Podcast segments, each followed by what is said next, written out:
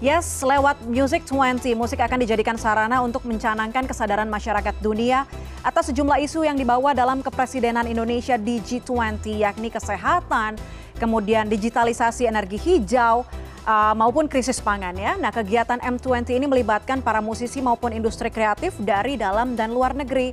Langsung saja kita bahas bergabung bersama kami melalui sambungan Zoom ada Idar Rosmadi, pengamat musik. Mas Idar, selamat malam. Waalaikumsalam, selamat malam Mbak Puspa. Hai Mas Idar sebagai uh, pengamat dan juga jurnalis musik tanah air ya. Gimana sih Anda melihat perkembangan industri musik Indonesia pasca pandemi sampai nih melihat ada keseriusan pemerintah nih untuk uh, melakukan apa? Mendorong industri ini lewat M20. M20. Ya kalau menurut sih saya merespon bagus banget ya karena untuk ukuran musik ini memang sangat butuh tata kelola karena ekosistemnya sudah mulai apa ya sudah mulai kayak berkembang terus berkembang pesat terus gitu ya. Apalagi tadi uh, pasca pandemi.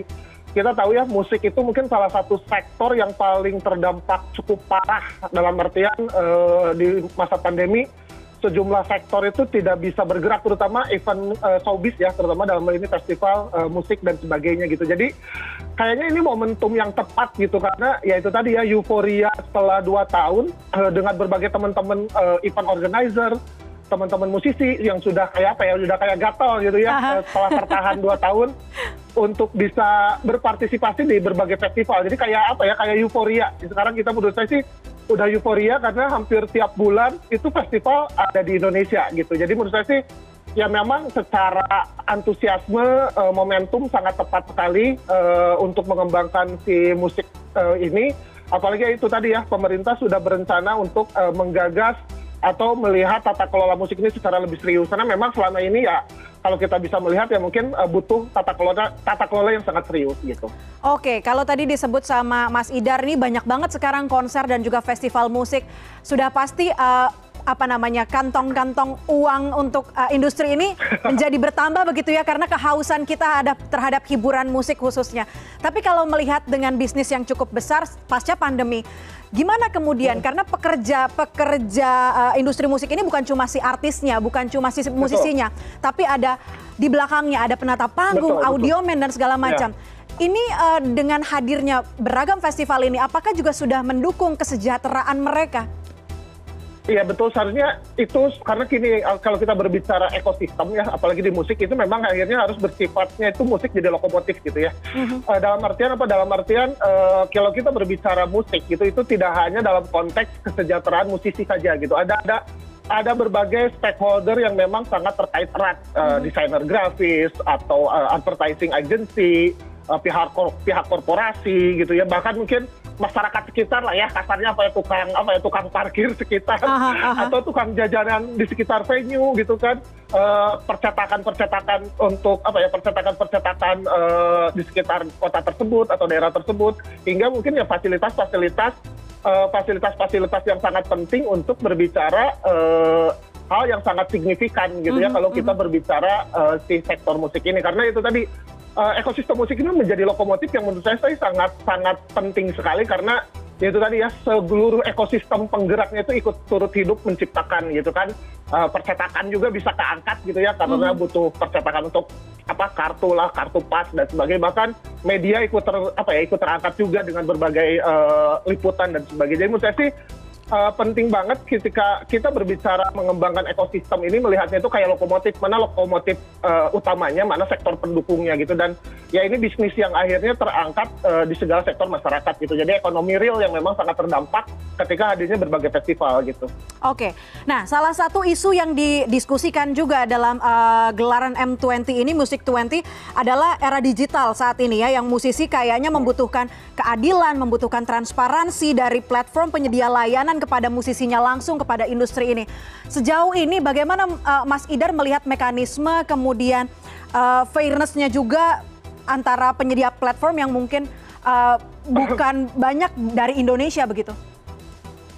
Ya, kalau bisa sih memang kalau salah satu hal yang harus kita pikirkan ketika berbicara ekosistem yang uh, apa ya in the future itu memang tata kelola digital ya. Mm-hmm. Ini kita tidak bisa kita pungkiri uh, tata kelola digital ini menjadi satu bagian yang penting meskipun agak cukup menyedihkan sebetulnya kalau berbicara fakta bahwa ya di tata kelola digital ini memang ada kesenjangan gitu ya, mm-hmm. di, terutama di Indonesia ini uh, berdasarkan uh, fakta gitu ya bahwa ada beberapa hal ya misalkan kayak apa ya jumlah subscriber premium gitu ya. Okay. Indonesia itu berada di sekitaran 90 dibandingkan urutan negara-negara lainnya gitu ya. Jadi masih banyaknya apa ya free user atau apa ya akun akun-akun non premium yang ternyata ini uh, salah satu berdampak besar terhadap pendapatan si musisi tadi gitu ya. Jadi kalau menurut saya sih yang paling penting untuk mengurusi tata kelola digital itu yang pertama itu intellectual property jelas. Jadi mm -hmm uh, ada ada gap juga nih antara intellectual property di musisi ya. Ada musisi yang mungkin nggak peka terhadap uh, intellectual property ketika mereka punya karya mereka sudah masuk ke tata kelola digital. Jadi menurut saya pintu gerbangnya itu paham itu dulu uh, tata apa uh, intellectual property. Kedua memang memahami ekosistem si platform tersebut, uh, memahami tata kelola bisnis, cara cara memasarkan uh, cara memasarkan musik di digital karena kan tidak bisa seolah-olah digital itu kayak kita menarik satu karya terus boom gitu ya sukses yes. berat di digital kayaknya tidak seperti itu juga karena butuh uh, step-step kayak memasarkannya bagaimana, membrandingkannya seperti apa, uh-huh. uh, melihat melihat marketnya seperti apa. Jadi menurut saya sih tata kelola digital juga sangat penting gitu ya bisnis bisnis daerah digital. Uh-huh. Yang terakhir yang memang kita butuh sosialisasi penting banget tentang itu tadi ya uh, terhadap konsumen musik agar ya mengapresiasi uh, ya mengapresiasi karya musisi di di ranah digital gitu dengan apa ya mengupayakan tentang misalkan uh, ileg, apa legal subscriber misalkan legal premium karena ini sangat berdampak banget uh, secara makro terhadap uh, ekosistem musik di Indonesia gitu.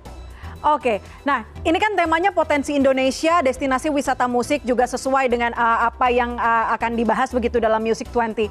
Nah kalau melihat selama ini festival dan konser musik kebanyakan tuh di kota-kota besar, Jakarta, Bandung, kemudian Bali gitu. Bagaimana sebetulnya kita juga bisa ikut mendukung pemerintah supaya daerah-daerah lain yang mungkin punya pesona wisata tersendiri uh, tapi tidak tersentuh dengan apa gelaran musik uh, skala besar begitu. Bagaimana sih sebetulnya koordinasi yang baik antara uh, pekerja industri musik dengan pemerintah daerah contohnya? Betul, betul. Ya memang perlu merata ya. Ini perlu disadari bahwa ya setiap daerah kan punya potensi industri kreatifnya masing-masing ya. Mm-hmm. Uh, tak bisa kita pungkiri mungkin market terbesar untuk festival itu di kota besar gitu ya. Dalam artian karena ini uh, menyangkut juga daya beli gitu ya apa uh, tingkat ekonomi daya beli akses uh, akses terus juga apa fasilitas gitu. Karena kan nggak -hmm. semua daerah misalkan di daerah suatu apa ya satu daerah tertentu gitu yang memiliki misalkan penyewaan sound yang mumpuni kan tidak tidak semua daerah cukup merata sih. Kalau menurut saya sih seperti itu. Tapi paling penting sih kita punya tata kelola yang baik. Itu tadi pemerintah daerah juga sadar potensinya.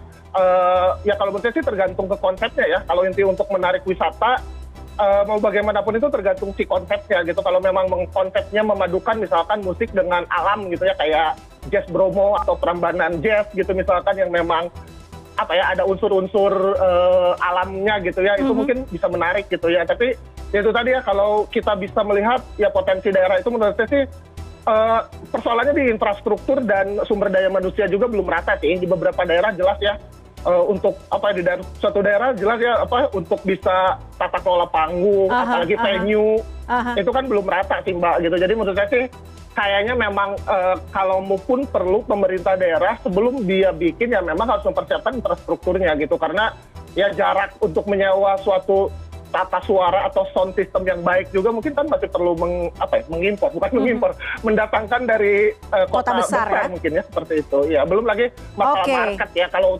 itu paling gede ya tetap di kota besar market. Oke, infrastruktur dan juga bagaimana mengolah atau mengelola potensi sumber daya manusia yang ada di wilayah-wilayah tertentu itu jadi PR besar pekerjaan besar pemerintah ya untuk mendukung industri ini yang kita harapkan juga dengan adanya M20 ini bisa apa tadi memberikan uh, titik terang kepada uh, para pekerja musik di industri ini supaya sejahtera tidak cuma musisinya tapi seluruh uh, ekosistem di dalamnya.